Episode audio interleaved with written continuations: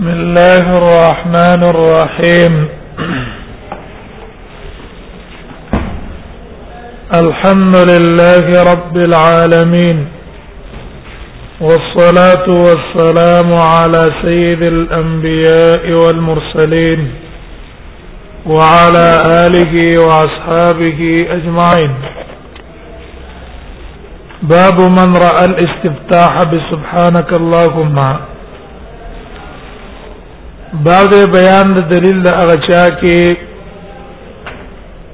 هغه وی د الله اکبر نرستو دعا شروع کول په سبحانك اللهم پکار دي او دا بهتر دی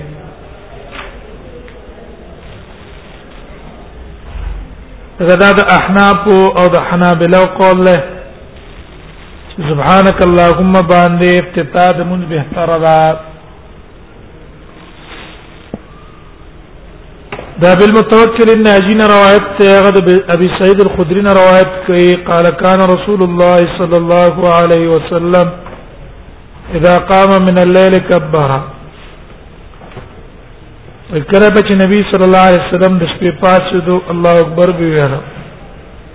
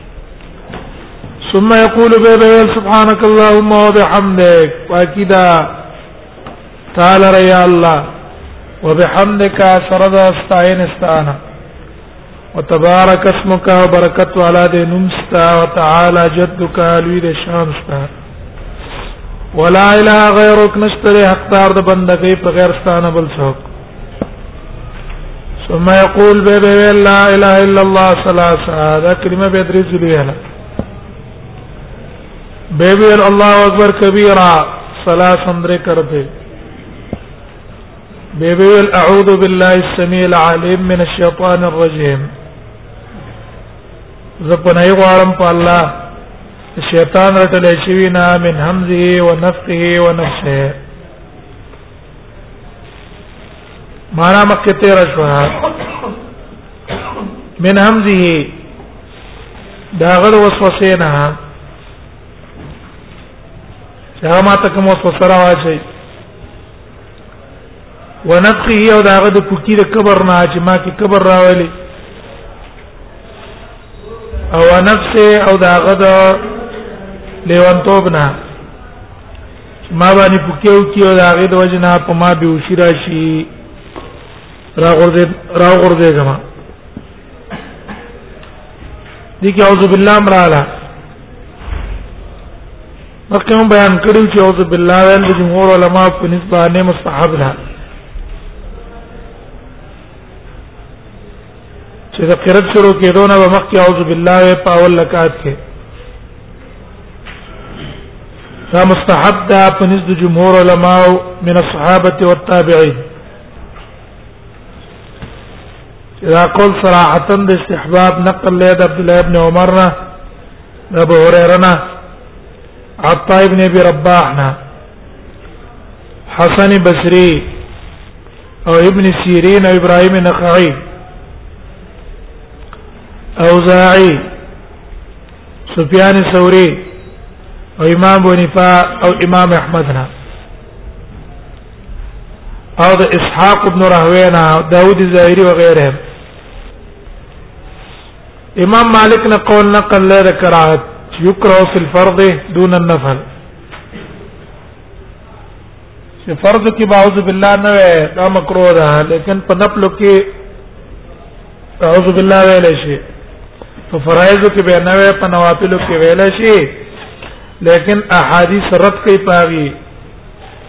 ځکه حدیثو کې فرق نه راغلی د فرض او د نفل او هیڅ دلیل د تفریقې شته ده نه دیم اختلاف په محل کې او چې اعوذ بالله بکم ذکر ہے د جمهور علما او مذهب دا دی چې قبل القراءه د قرات نه مخ کې پاول لکات کې په حدیث الباب د دې حدیث د باب د وجنا یا نور احادیث د وجنا او قرآن کې چې راځي و اذا قرات التدا معنا نه ده چې کله فارغ شو د قرات نه الت معنا ده دا اذا اردت قرات القرآن کله چې اراده وکړه قرات القرآن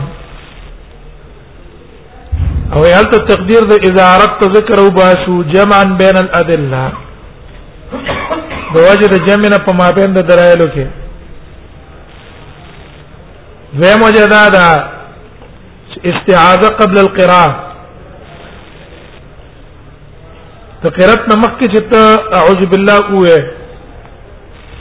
نو دا د دې لپاره ویل پکار دی چې وسوسه د قاری نه ختم شي حال القراءه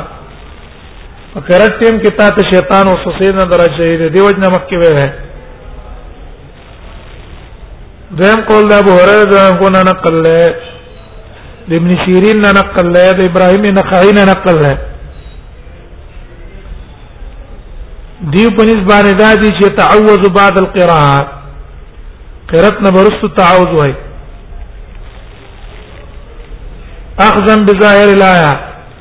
ظاهر د حدیث باندې عمل کړی دی و اذا قرات القرآن فاستعذ بالله په اخر کې به دی وجنه وي چې دا کوم عمل تا کړی دی چې دا د محفوظ شي د شیطان نه چې برباد دل نه کی لیکن اول قول راجح دی د علماء دریم اختلاف دا دی چې آیا دا تعوذ با په جار باندې وې که په پټه باندې وې په شان ته د اختلاف په تسمیه کې بسم الله کې اختلاف د رست راځي چې په جار به وي که په پټه په تعوذ کې هم د اختلاف ده ابو هرره جران هو وايي چې په جهري مانځ کې په جار باندې ہے دویم قول د نور جمهور علماو ده چې لا یجهر بها چې نه په پټ باندې به او دا قول راجح ده او دا د شوافی او مذهب هم ده ابن ابي ليلى مذهب د اختیار ده په پټ باندې وې ک په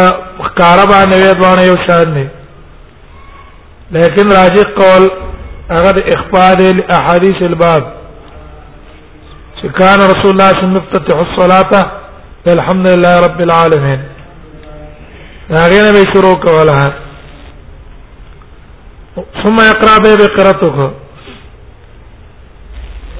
ظاهر د حدیث نه معلوم شو دا ګور نبی صلی الله علیه وسلم ابتدا د مانزه په سبانه کړي په سبحانك اللهم باندې کړي بیا دا حدیث نقل شوی د نبی صلی الله علیه وسلم په مختلفو طریقو مرفوع په بعضی طریقو کې د علماو کلام نه لیکن کثرتها یقوی بعضها بعضا لیکن دا کثرت یو بل تقویت ورکړي همدارنګه دا حدیث موقوف نقل له په عبد الله ابن دا عمر ابن الخطاب چې عمر ابن الخطاب بدا سبحانك اللهم ویل او خلق ته په خودو امام مسلم اگر روایت نقل کړه او دا موقوف په منظره د مرفوع کې راځي ځکه دې کې رائے او اجتهاد نه چلےږي خامہ خابت رسول الله صلی الله علیه وسلم اوریدل ہے دیو جن حدیث قویم شو او عمل په جایز شو دیو جن ابن تیمیه رحم الله قال من درس ترمذی کې ذکر کو هغه ویلي اخرج مسلم في صحيحه وعمر بن الخطاب په مسلم کې امام مسلم په خپل صحیح کې دا حدیث راوړی چې ان عمر کان یجر بهؤلاء الكلمات عمر رضی الله عنه په سبحانك اللهم په زور باندې ویلا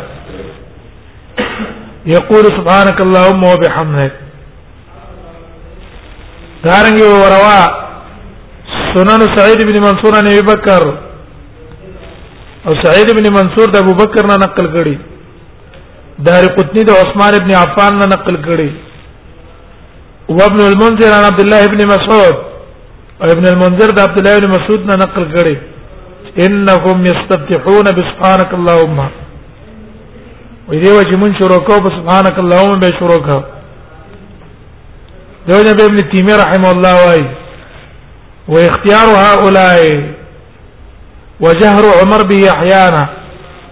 وې دې صحابه چې دا سبحانك اللهم غوړه کړه عمر په کله کله جهرم کړه به محضر من الصحابه په حضور د صحابه کې ليتعلمه الناس ډېر پار چې خلکو ته ورکه چې ګوره دا ذکر پکار دی مع ان السنه اخفاءه سره دا نه چې سنت طریقه دار چې دا ذکر دې سړی په پټو کې عمر په باج اوقاتو کې جهر کړی دی يدل واذا جهر د عمر دلالت کوي په دې کار باندې چې عمر دا کار وکړو انه الافضل چې دا غوړه ده وانه الذي كان النبي صلى الله عليه وسلم يداوم عليه غالبا او دا هغه ذکر دی چې نبی صلی الله علیه وسلم په دې باندې دوام غالبا کاو په دې وجه نه دا کار کړه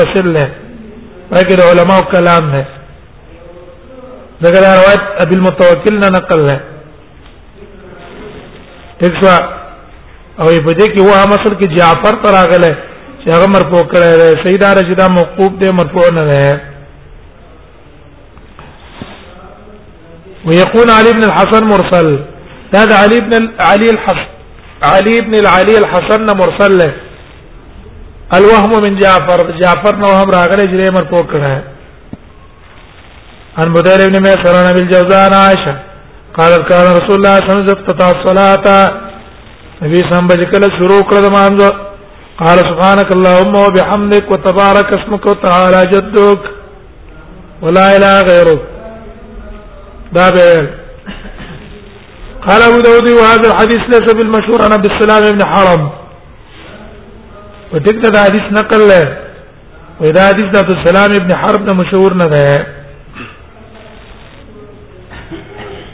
هغه مشهور نه ده ولم يروي الا طلق ابن غنام صرف طلق ابن غنام دا غنه نقل کړه وقد روى قصه الصلاه المدل جماعه لم يذكروا في شيء من هذا دا هم پکې ذکر کړي هم پکې ذکر کړي اشاره کړ دیتا چې دې روایت هم سند په اعتبار کمزور ہے باب سکتت عند الافتتاح بعد باندې سکتې کې پوښت شروع کول د مانځ کې سره چې الله اکبر وکي الله اکبر په یو متصل قرت نه شروع کې غلې کې کې با او پاره کې با اذکار وکي دا بکه سمره وي حفظت سکتتين في الصلاه وي ما ذکر دو سکتې په مانځ کې سکتتن اذا كبر الامام یو سکته چې کله به امام تکبیر وکړو و حتا يقرا تر دې چې قرات به شروع کو د تکبیر نه رستو د قرات شروع کېدو نمک کې بدیس ټیم کې چپ کېدو وسکتا اذا فرغ من فاتحه الكتاب او یو سکته چې کله فارغ شو من قرات فاتحه الكتاب د قرات د فاتحه الكتاب نه دا غنه فارغ شو په دا ټیم کې با صورت بلا شروع کړو نو چپ بشو وسوره عند الركوع نه فارق بشو د فاتحه الكتاب د سورت نه په وخت رکوع کې سورت د اخلاص کو رکوع له بلاته نو دې ټیم کې بلک سات اتره دو غل ہے حدیث بیان کو قال فنكر ذلك على عمران بن حسين خبر په عمران بن حسين ناشنا وګڼل جدا څه قال فكتبوا في ذلك الى المدينه دا خبره ولي کله مدینه ته الى ابي ابي ته چې هغه ته پوښتنه کی دا رښتیا ده کنه اوس معلومیږي چې رسول الله صلی الله علیه وسلم د رکوع نه بعد ورو سکتی نه دي کړی کنه کله کله کړی کار واخی کوله عمران بن حسین باندې با ناشتانه لګیدل فصدق سمورا او به تصدیق کو د سمورا او سمورا کما خبره کوي دا ټیک ده قال ابو داود وكذا قال حميد في هذا الحديث وسكتة اذا فرغ من القراءه او یو سکتبه چې کله فارغ شو د قرات نه دا ولې وای دا دی وجه نه وای چې رسو خبره ذکر کړي لاندې روایت کې دي چې دا سکته د ولد والین نرستو کړي او په دې کې دي چې نه د صورت ختم کړي ده د رکوع نه مخکې کړي وبه قال سنا بكر بن خلاد قال سنا خالد بن الحارث انا شاذر الحسن عن سمر بن جندب عن النبي صلى الله عليه وسلم انه كان والنبي صلى الله عليه وسلم چې يسكت سكتتين چې کېدو به د سکتو باندې زفتتح استفتح چې کله به مون شروع کو و اذا فرغ من القراءه کله به قرات نه فارغ کل هذا تولنا فذكر معنا يونس نو د ذکر کو معنا دا یونس هغه چې ذکر کړي ته سکتی کړي دی بل روایت کې ان ثمر ابن جندب و عمران بن حسین تذاکر حسن وای سمر ابن جندب او عمران ابن حسین تذاکر خپل منځ کې مذاکره وکړه فحدث سمر ابن جندب سمر ابن جندب حدیث بیان کو انه حفظ عن رسول الله صلی الله علیه وسلم سکتتين چې دې ذکر د نبی صلی الله علیه وسلم دوه سکته سکتتن اذا كبر وسکتتن اذا فرغ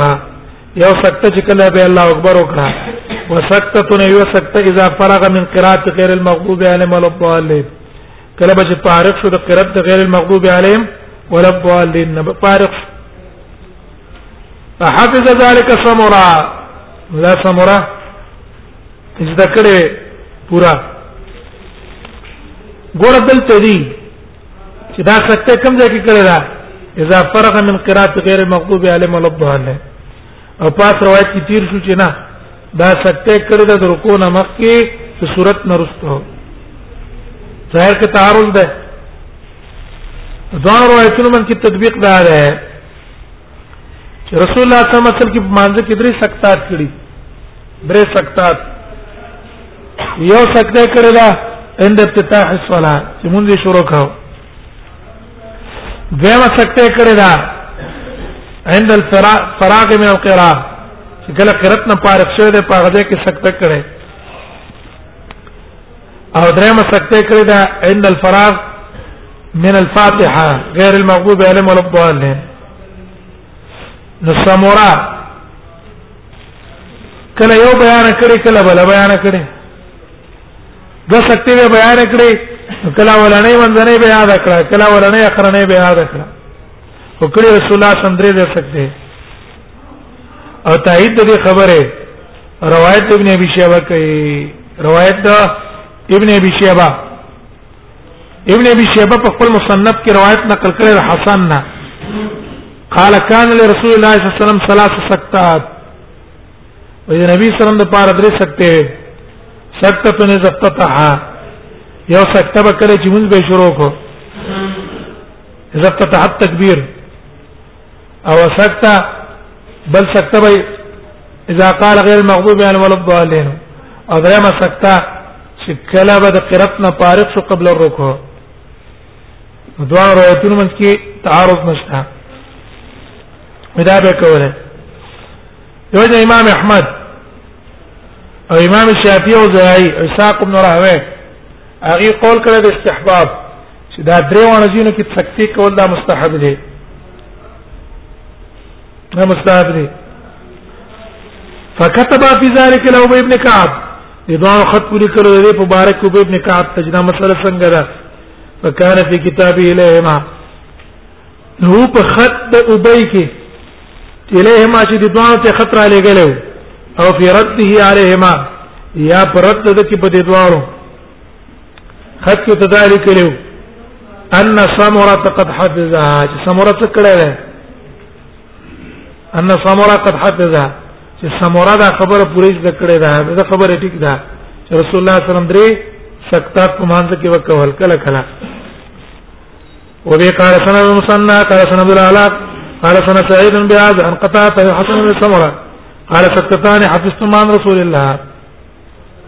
وې دوه سکتی دی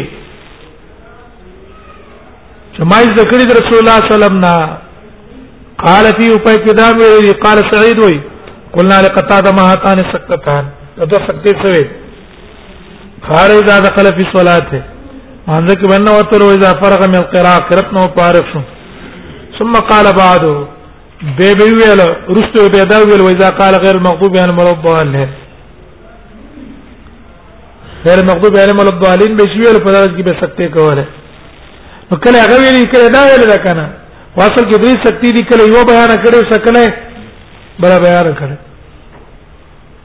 تیر روایت کې امام ابو داوود اشاره وکړه هغه تطبیق بین الروايات الاولین ته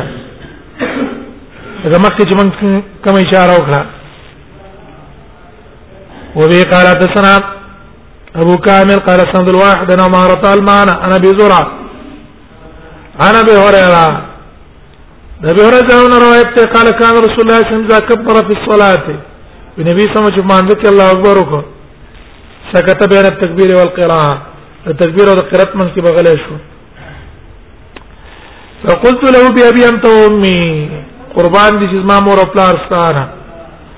ارايت سکوتک بین التکبیر والقراءه خبر را کوم لره په مابین د چپ کېدل ستا په مابین د تکبیر او د قرات کې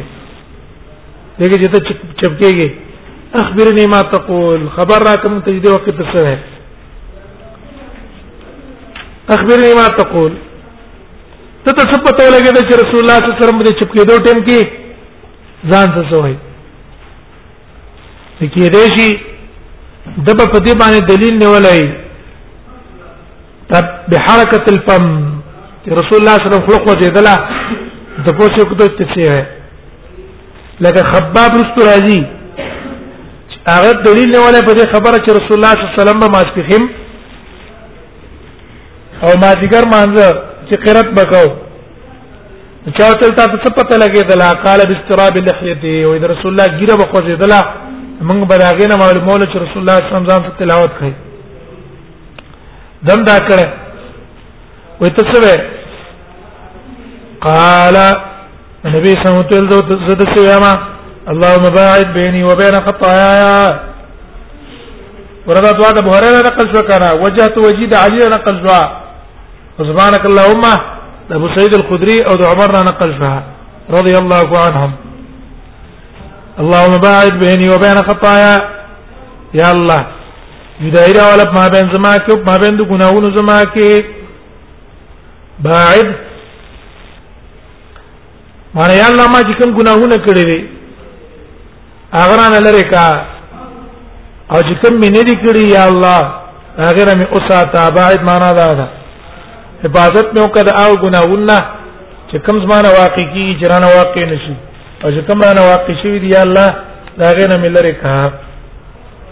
بعد بيني وبين خطايا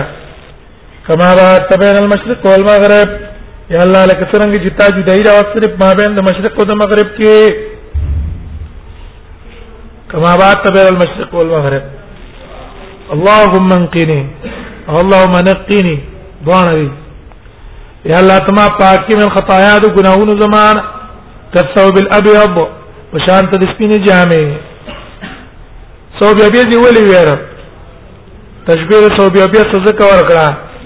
لأن ظهور النقاع فی اشد هغه سپینواله پاکواله ډېر زر پکې کار کوي او اکمل لصفائه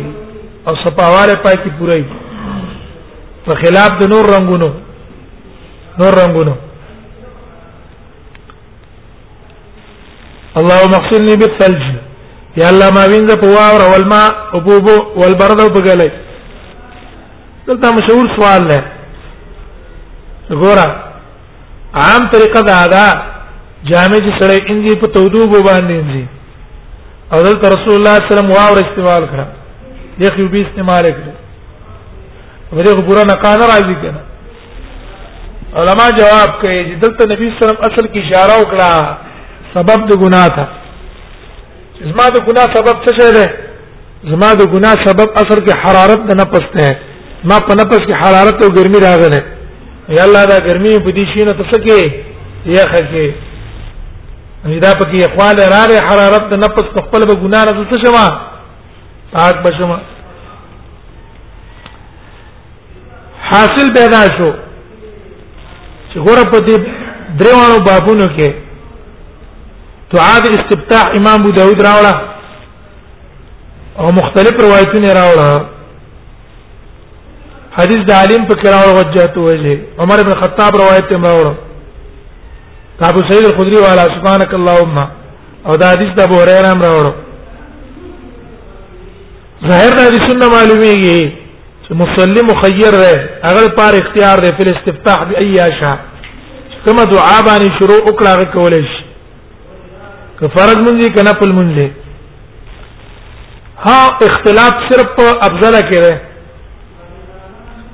هغه موږ په مخکې بیان کړو د شوافیو په نسبت استفتاح په حدیث دالی غوړه ده وجهت وجه للذي فطر السماوات والارض حنيفا هغه باندې او امام نووي هغه وجه د رجحان زموږ دلیل دا دی چې دا غوړه ده ولم يثبت عن النبي صلى الله عليه وسلم في الاستفتاء بسبحانك اللهم وبحمدك شيء سبحانك اللهم د نبی صلی الله علیه وسلم نه پسیر روایتونه نه ثابت صحیح مرفوع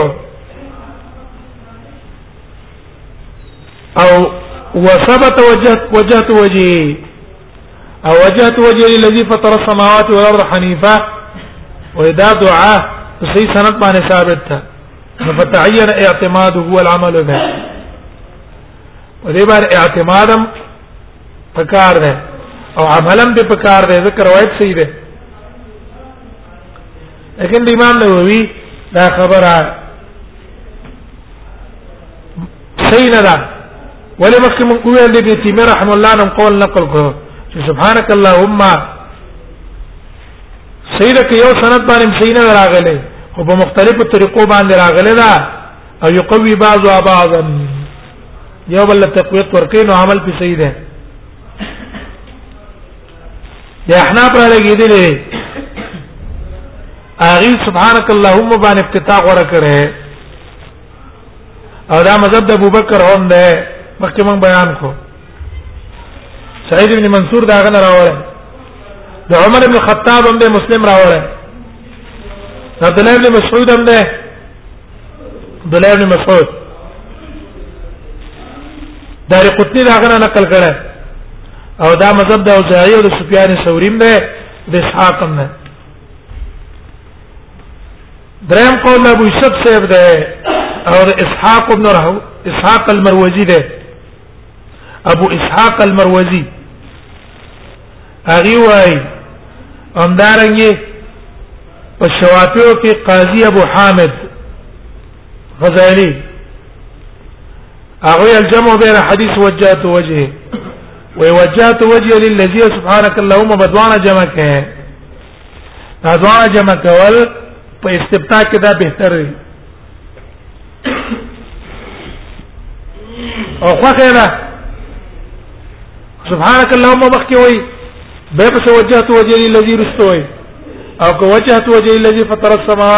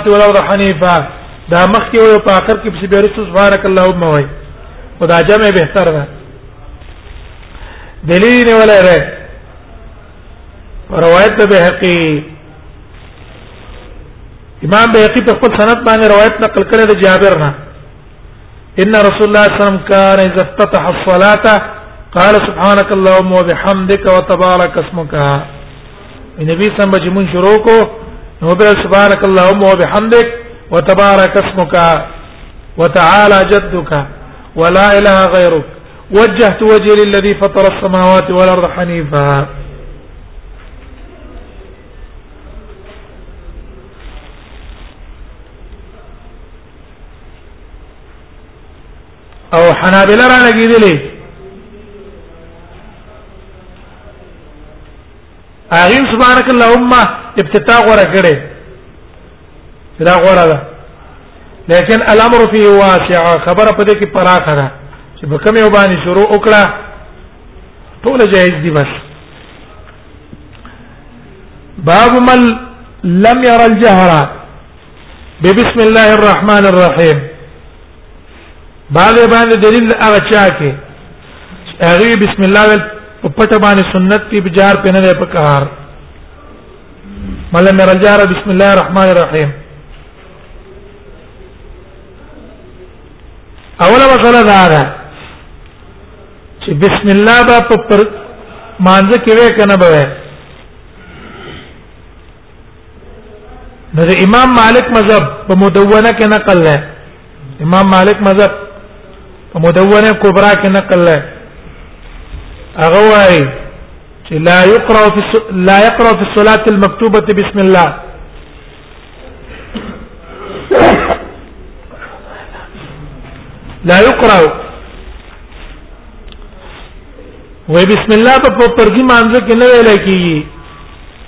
سرا ولا جهرا نه په پټه نه په ښکارا اماما او ماموما برابر خبره ده که مقتدی او که امامي یو تن بم بسم الله په زور باندې په فرض باندې کې نه وای او هي سنت او دا سنت طریقه ده هغه وای وعلي اتركت الناس او ما چې څونه تابعین من دي هغه ټول دا قول کړی چې بسم الله پر دې مانځه کې نه وي ډایرک به چانه شروع کې الحمدلله رب العالمین نه به شروع کې او وې نفل کې اختیار ده ان احب ترک وان احب فعل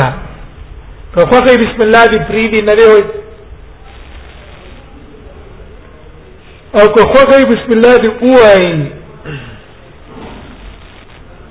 ذالک واسع په نوافلو کې اجازه ده دیم قول د جمهور علما وی چې دا قول صراحتا نقل له علي بن ابي طالب نه عبد الله ابن مسعود نه عمار ابن یاسر نه اوزاعی نه سفیان ثوری نه او حنابلو د اغي مذهب دا دی چې بسم الله ویل سنت دی خو څنګه سنت دي سرا په پټه د ځان سره برابر خبره ده ک صلات سری او ک جهری او دا مذهب د احناف هم ده څه ده په پټه باندې ده کس منځ منځ سری ده ک جهری ده بسم الله به او په پټه سنت ده وجه وی دا دا دی وی چې دا آیات ته مستقل د فاتحین نه ده جز د فاتحین نه ده دا یو آیات ته مستقل نازل شوی له تیمم د پاره تبرک او دویم والفصل بین الصور او د دې لپاره نازل شوی دی چې نبی صلی الله علیه وسلم ته پته ولګي چې دا صورت خلاص شو دا بل صورت جدا شو او بل صورت شروع شو د دې لپاره نازل دی او دا جز د فاتحه نه دی دلیل یې وړه په حدیث د باب چې کان رسول الله صلی الله علیه وسلم يستفتح الصلاه بالتكبير والقراءه بالحمد لله رب العالمين په دې باندې شروع کولا او که چرته بسم الله جهر سنت وې بیا پکار دا چې نبی سم به جهر کړو دیم استدلال نیولې ده په حدیث د عبد الله ابن مغفل تاسو ترمذی کې هغه ویلو چې عبد الله مغفل د خپل زینه بسم الله په مانځ کې واورېدل په زور باندې چې هغه بسم الله په مانځ کې په زور ویله نو دې صحابي عبد الله مغفل تویل اے بنیا ایاک والحدثه اے بچیه ته بدعات نه ځان وساته وجدادا ولم ارى احدا من اصحاب رسول الله صلى الله عليه وسلم ابغض الى ابغض اليه الحدث في الاسلام يعني نفسه وجدادا بما اصحابو کې یو تنم نه لیدل چې داغه په اسلام کې د حدث او د بدعات سره سخت بغضو په شان ته د زما د خپل ځان زما د بدعت صدر سخت دشمنی و او توس بدعت راته کې به ویل وقت صلیتو مع النبي صلی الله علیه وسلم وما ابي بکر ما د نبی سم سمونز کړه د ابو بکر سم هم کړه د عمر سم هم کړه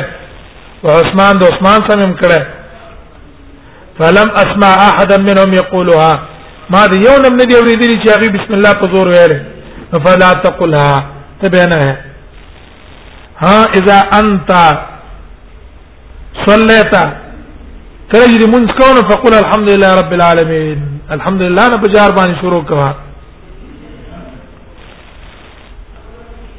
بیا دا علما وايي کوم روایتونه کې چې جهر راغله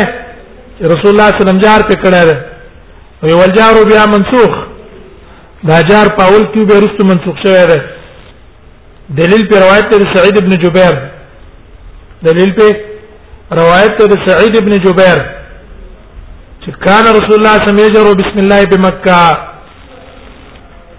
وی رسول الله صلی الله علیه وسلم با جهر کو په بسم الله په مکه کې مکه کې په بسم الله په زور یاله وکانه اهل مکه يدعون مسلمه الرحمن او مکه والا به مسلمه الرحمن الامامه ویلو ذا الرحمن الامامه ده زیو بسم الله د نبی صلی الله علیه وسلم په زور واوریدله فقالوا ان محمدا يدعو الى اله الامامه دی ویل چې ګورا محمد سلام دعوت ورکړي الہ د امامه ته امامه الہ ته دعوت ورکړي فامر رسول الله صلی الله علیه وسلم فخفاها نبی سم په حکم کو به په پټه ویلا فما جهر بها حتى مات هغه جار نه کو تر مرګ پورې تر مرګ پورې به پښنه وکړه به بجار نه وکړه دریم قول شوافیو ده شوافیو وايي چې په ابتدا د فاتحه کې بسم الله ویل واجب دي فرق باندې ورته دی مخکینی قول ته مستحب ویل دی ته واجب وي په ابتدا د فاتحه کې بسم الله ویل واجب دي او يستحب الجهر في صلاته يستحب الجهر بها في صلاته الجهريه او په جهري مانځ کې بسم الله په جار ویل دا مستحب دی چې بسم الله په څه باندې وای دا په جار باندې وای او د دې مذهب دا دی چې دا بسم الله آیت من الفاتحه دا د فاتحه او آیات ته او د سوره النمل آیات هم نه سوره النمل کې دي کړه انه بسم الله الرحمن الرحیم انه من سليمان الته د سوره النمل آیات ته دلته د فاتحین هم آیات ته دلیل نه ولري حدیث د ام سلمہ ام سلمہ روایت ده وی نبی صلی الله علیه وسلم قرأ بسم الله الرحمن الرحیم فی الصلاة ایو مانځه کې بسم الله اول الصلاة وعدها آیه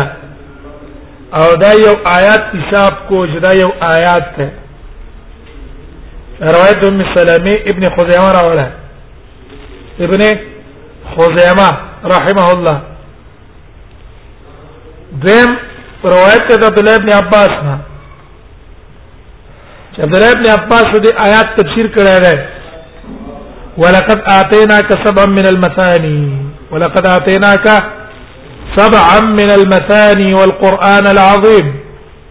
اے پیغمبر موږ تعالی درکړي دي سبع من المثاني و آیاتونه چې بار بار لستل کیږي مثاني مختلفې معنی دي مختلفې معنی والقران العظیم وې دا مر درکړه قال هي الفاتحه وی ویل چې دا سبب من المسائین مراد فاتحه ده قال فإن السابعه نشاو تی ویل چې وم آیات به پکې کم نه الحمدلله رب العالمین خو تاخره پورې شپږ آیات جوړي وم کې کم نه هغه ویل بسم الله الرحمن الرحیم دا بسم الله الرحمن الرحیم هم آیات ده دا دلیل شو چې جز د فاتحه شو نو فاتحه لسل فرض دي کړی دی لا صلاه لمن لم يقرأ بفاتحه الكتاب دا بسم الله لسل څه شلو فرض شو ها جار په مستحب ده او دا جار استحباب حکم د عبد الله بن مسعود نم نقل له عبد الله بن عمر نم نقل له ابي بن كعب نم نقل له انس نم نقل له دا ابو سعید او ابو قتاده نم نقل له او د سعید بن المسیب مکحول عطا او ابن سیرین او اسحاق ابن راهوی د ټول علما را ادا ده بسم الله په جار ویل په جهري مانځ کې دا سنت دی دلیل په حدیث د نسائی ده حدیث ده نسائی ده د نعیم المجمر روایت ته رضی الله عنه نعیم المجمر وايي صلیت ورا به هريره وای ما په هريره په سر رست منځ کړو فقرا بسم الله بسم الله اول استلا بزورا فقرا بسم الله ثم قرا بام القران بفاتحه الاستلا ثم قال والذي نفسي بيده به القسم لي فازات مارو دا په لاس کې ده اني لاشبهكم صلاه برسول الله زتا ستول کې د نبی سم په مانځ کې زیرا ډیر مشابه غره د بسم الله په زور ویلې او به ویلې زتا سن په مانځ کې د رسول الله سم ډیر مشابه او دې حدیث ابن خزیمه او ابن حبان او حاکم ته صحیح ویل دي ټول ته صحیح ویل دي په دې کې راجح قول څه ده راجح دا ده چې په دې روایتونو کې هیڅ منافات نشته کوم علما چې استدلال نیول پر روایت جهري یو هغه هم صحیح دي او کوم کسان چې استدلال نه ولري په اخفاء او په اصرار هغه هم صحیح دي د دې پروایتونو په منځ کې هیڅ منافات شته نه او رسول الله صلی الله علیه وسلم کله کله جهر کړی دی کله کله اکثر رسول الله صلی الله علیه وسلم اصرار کړی هیڅ منافات په دې کې شته دی نه کله کله جهر څه شول جائز شو ابن قیم رحم الله زاد المعاد کی وای زاد المعاد کی كان رسول الله صلى الله عليه وسلم يجهر بسم الله تعالى ويخفيها اكثر مما يجهر بها ورسول الله صلى الله عليه وسلم بسم الله كلا كلا كارو يلا هو يخفيها و وكان يجهر بها اكثر مما يخفيها اكثر به تجار كما اخبار نو دا قول راجح شو راجح قول لا شو چې کله کله بسم الله ویل په جار جائز اخطاء په کې څه ده دا به تر ده وجد احاديثنا وبي قال ان قتاده عن انس ان النبي صلى الله عليه وسلم بكر وعمر وعثمان كانوا يفتتحون القراءه بالحمد لله رب العالمين دي بقرات شروع کو الحمد لله رب العالمين باندې يفتتحون القراءة ترمذي معنا یو د امام شافعي نه کړو هغه چا نقل کړو امام شافعي ایو موږ هغه معنا کړو يفتتحون معنا دا چې چار به کوم ځای شروع کو الحمدلله رب العالمین نبی شروع کو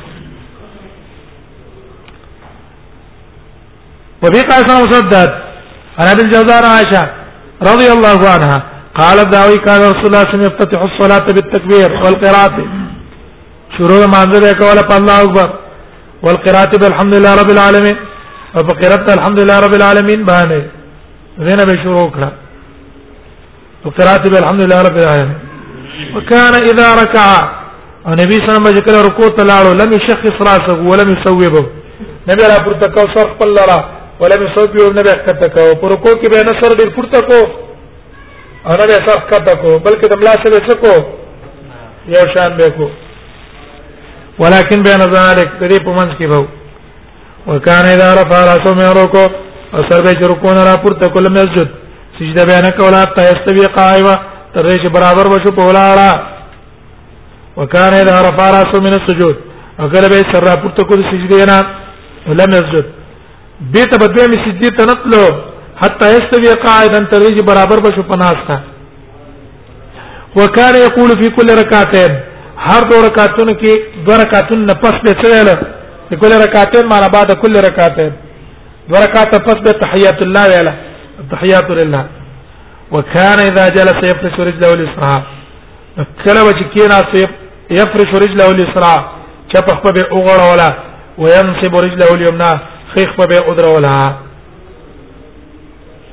دا دلیل دی د هغه چا لپاره د احناف لپاره چې په هر قاعده کې افتراش سنت ده خدا مسلمان چې په خپل ځای راځي به به د حدیث استدلال کول ته پیش کوي دې جملې لپاره وکړه نه نو په شیطان او دا منه کوله نو په شیطان دا غنا سي د شیطان نه او په شیطان ته ویل کی الايقاع في الجلسات سره په قران هغه په سر باندې کینی د دې کوناټه نه ده کوناټه په دې په اوري او په دې پوند باندې کېږي هغه نه حق شیطان دوی دی یو بیر سجدتین دی بیر سجدتین دا جایز دی د حدیث عبد الله بن عباس نه چې نه سنت دا سنت ده او یو د سجدې نه بعد ده په دې باندې کې ناصل به به ضرورت دا حق شیطان ده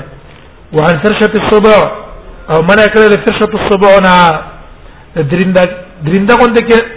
هغه باندې کې لاس باندې لګي هغه دا چې په سجده کې لیچو پزما کا باندې کیږي او دزما کې نه پورته کینې لکه په شان د صبع او د شرمه خو د سپي سپي چې کله پروتي لاسونه پزما کله کولی وکانه اختم الصلاه بالتسليم اختتام د مانځه په څه باندې کو بالتسليم په تسلیم باندې به کو وان تر څه په صبح باندې استدلال او ما وکړه چې دا حکم خدي او سړي دوه ته شامل نه کم آثار چې د صحابو نه نقل لې چې زراره ودا کوي هغه آثار سندن کمزوري دي د خځې او سړي په باندې کې څه نشته فرق نشته دوه مونږ یو شان نه فکان يختم الصلاه بالتسليم ختام نمازه په سلام باندې کاو ما استفاد من حدیث کار ده جار د مانزه کې په شروع په الله اکبر په کار ده جار د مانزه په قرت باندې الحمدلله شروع کول په کار دي پر رکوع کې به سر د ملا سره برابر نه به کته کې نه به پورته کې اعتدال په کار دی به بعد رکوع رکوع یې سر را پورته کو سم دواره په کته کېږي نه همدارنګه د جلسو د دو سجدو په منځ کې به هم کینی دا به کې او اوله قاعده چې افتراش پکار ده افتراش او منع کړو نبی سلام د دې رجې سره په تحیات لله کې د پوند باندې کینی خپې قدرت او د پوند په سرونو باندې کینی همدارنګه نبی سلام منع کړو د ترشت الصبر د درنده غونډه کې به سمره نه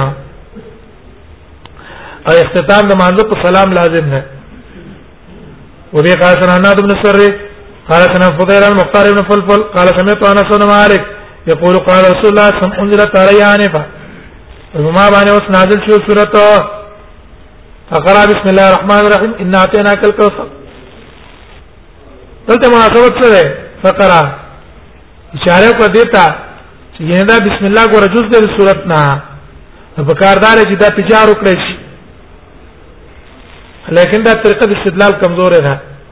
وجدا دا چې کې دې چې رسول الله صلی الله علیه وسلم بسم الله تبارک د پاره لستلې دا ته نه چې دا کې جز د دې صورت نه ٹھیک شو دویمه غرض په کې څه ده رستو حدیث په سره راوړي رستو چې ګوره دا فصل د بسم الله د فصل سور د پار راغله ہے پته ولګی دلا چې د تبرک د پار ویل ہے ان اعطینا کل کوثر من تعالی کوثر درکړه حتا ختمه تر دې چې دا سورته ختم کړو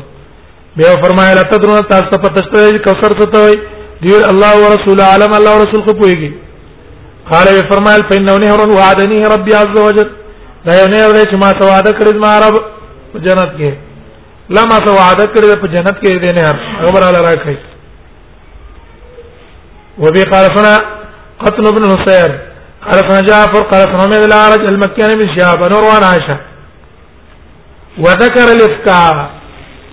قصه به په کې ذکر کا بخاری کې تفصیلی تاسو ویل قال نو جل رسول الله صلی الله علیه وسلم وکشفان وجه او نبی سمانه وحراله نو کین استر وکشفان وجه او د مخ نه رغلره کیا وکشفان وجه د مخ نه حالت لاړو ویل اعوذ بالله السميع العليم من الشيطان الرجيم ان الذين جاءوا بالافك اذا معلوم شو دا بسم الله ول لازم نه دي ورته صرف تعوذ باندې اکتفا کړی کړ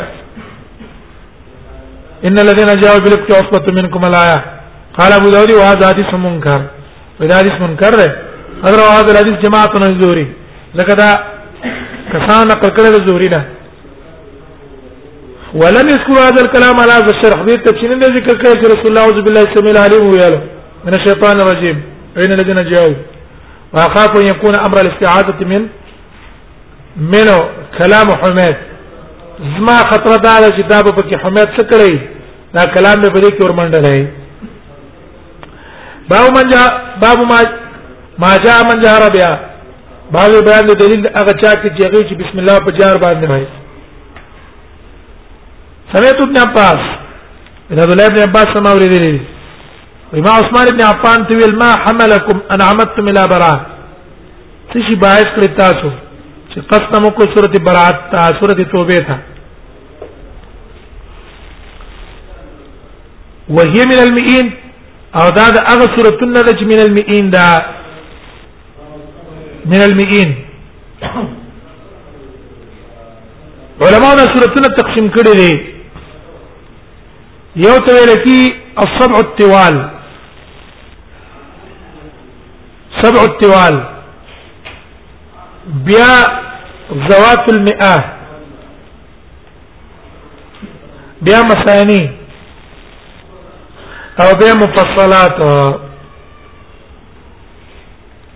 سبو تیوال څه دي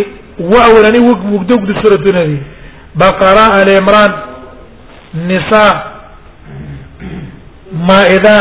انعام اعراف دا کوم سورتونه دي اصحاب التوال یو بقره شو دیم آل عمران شو دریم سورۃ النساء شو سورم مائده شو پنځم انعام شو او شپږم اعراف شو نو او د دې سره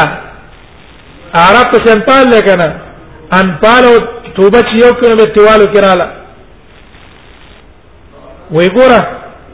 د نمبر زوات المئه دی زوات المئه هغه آیات سورتونه ته وی چې د سلنه زیات چې خو سب تیوال کې فاتحه هم ده فاتحه هم ده سب تیوال کې ده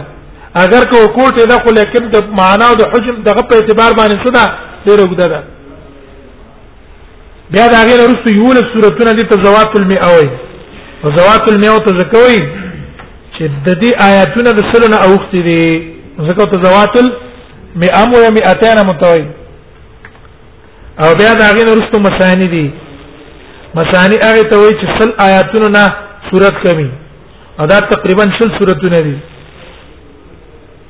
به دا هغه رسو مفصلات دي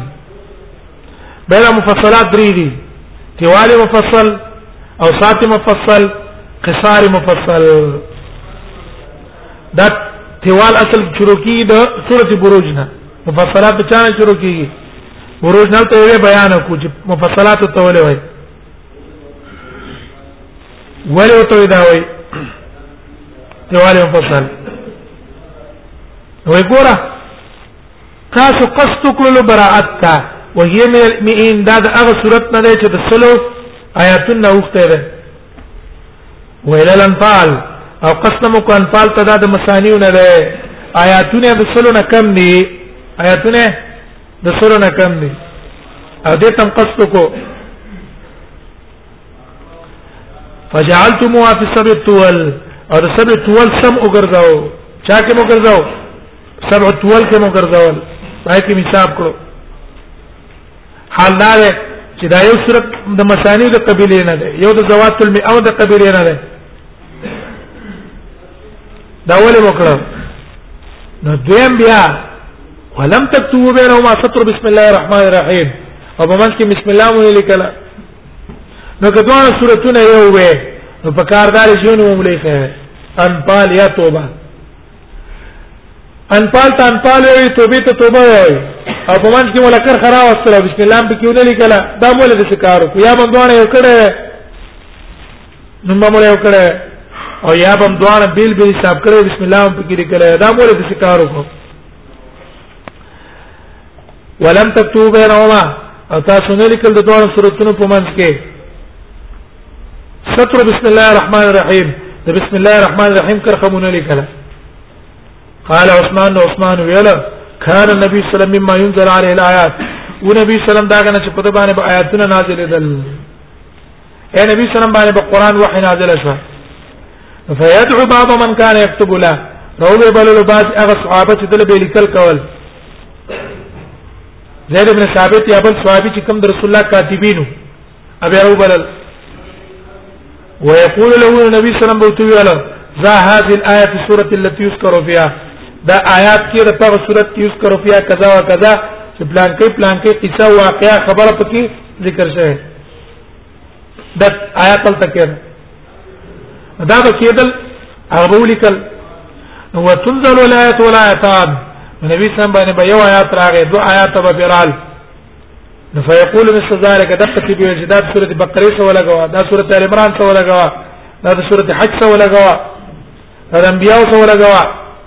دا کول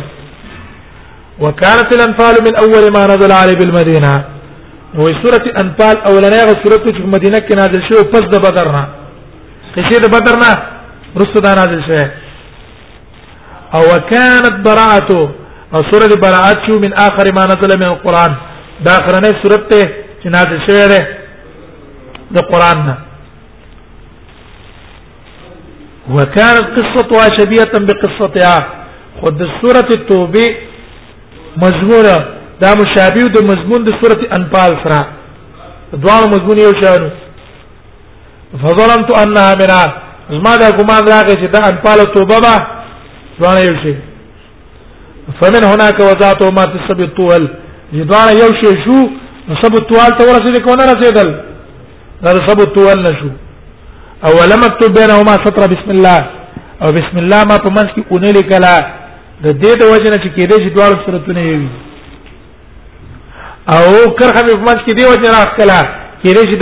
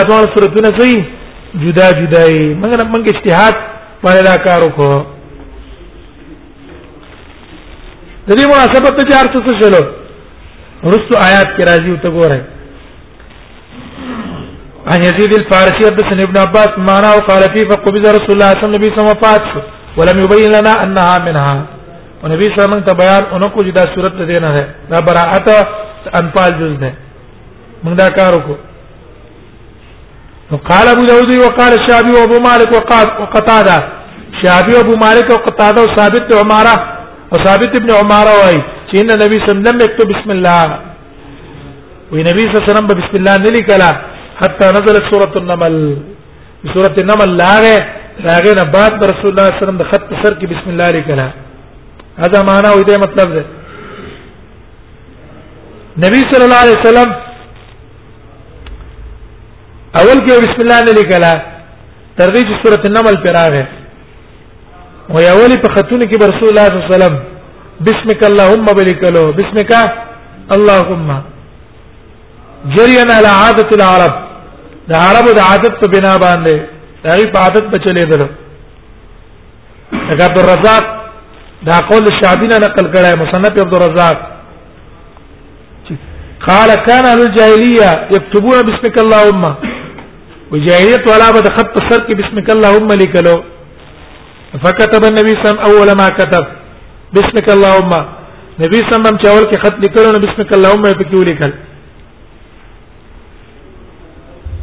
بیا رستو چې کله سورته نمل لاغه دا نمل لا ته نه پس پر رسول الله صلی بسم الله علیه کلا اوس په دې باندې سوال ناراضي چې ګوره سورته نمل خروج تر راغله دا غیر مخکې سورتون کې ول بسم الله نه راغله حال دا ده چې ما کان رسول الله صلی الله علیه وسلم يعرف فصل السور حتى تنزل عليه بسم الله الرحمن الرحيم نبی صلی الله علیه وسلم تر هغه وخت پورې یو صورت ته بل صورت نه جداواله ته نه معلومېدو تر څو پورې بسم الله باندې وراغله چې بسم الله براله چې دا صورت ختم شو او دا بل شروع شو نو پته وته لګیدل دا غنه معلومیږي چې د سورته نمل لمخ کې بسم الله نازل شوه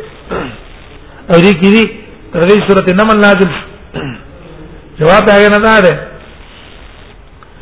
دې جمله مطلب دا ده چې لم يعلم مشروعيه كتابتها نبی سم ته دا نو معلوم چې په خط په سر کې بم چلی کې بسم الله بلی کې دا ته نو معلوم وجه کله سوره النمل لاغه نبی صلی الله علیه وسلم ته پته ولګی غلا چې د خط په سر کې بسم الله لیکي بسم الله شروع کړه یا دیم احتمال دا دی چې رسول الله صلی الله علیه وسلم ته امر نو شو به کتابه تسمیه په اول سوره دا خو نازلې دلې وا د پاره د فصل خو امر ته نو شو په لیکلو او چې کله سوره نمل لازم شو رسول الله صلی الله علیه وسلم ته امر شو دا غي په کتابه چې ردا لیکل پکې پکار دي وبي قال سنه قتيبه حاصل دا شو چې ګوره فاتحه جز چې بسم الله دا غي جز شو نو پکار ده جار دی پیویل چې دا داغه دلیل شو بس وفي قال سنة قتيبة بن سعيد وأحمد بن أحمد المروزي وابن صالح قالوا أخبرنا سفيان عن عمرو بن عن عمرو سعيد بن جبير قال قتيبة سفيان بن عباس قال كان النبي صلى الله عليه وسلم يعرف فصل السور حتى تنزل عليه بسم الله الرحمن الرحيم وهذا لفظ ابن صلاح ترته بسم الله په نو نازل شي باب تخفيف الصلاه الامر يحدث بعد بیان د دې کې چې عذر راغی د عذر د راتګ د وجه ته په مانځ کې څه کولای شي په مانځ کې تخفيف راوستل شي خیر هغه د وجه نه تخفيف راواله عبد الله بن ابي قتاده روایت کړي خپل پلار نه قال قال رسول الله صلی الله علیه وسلم فرمایي انی لا قوم الى الصلاه زمان ذ تودرګم من ذ تودرګم وانا اريد ان اطول فيها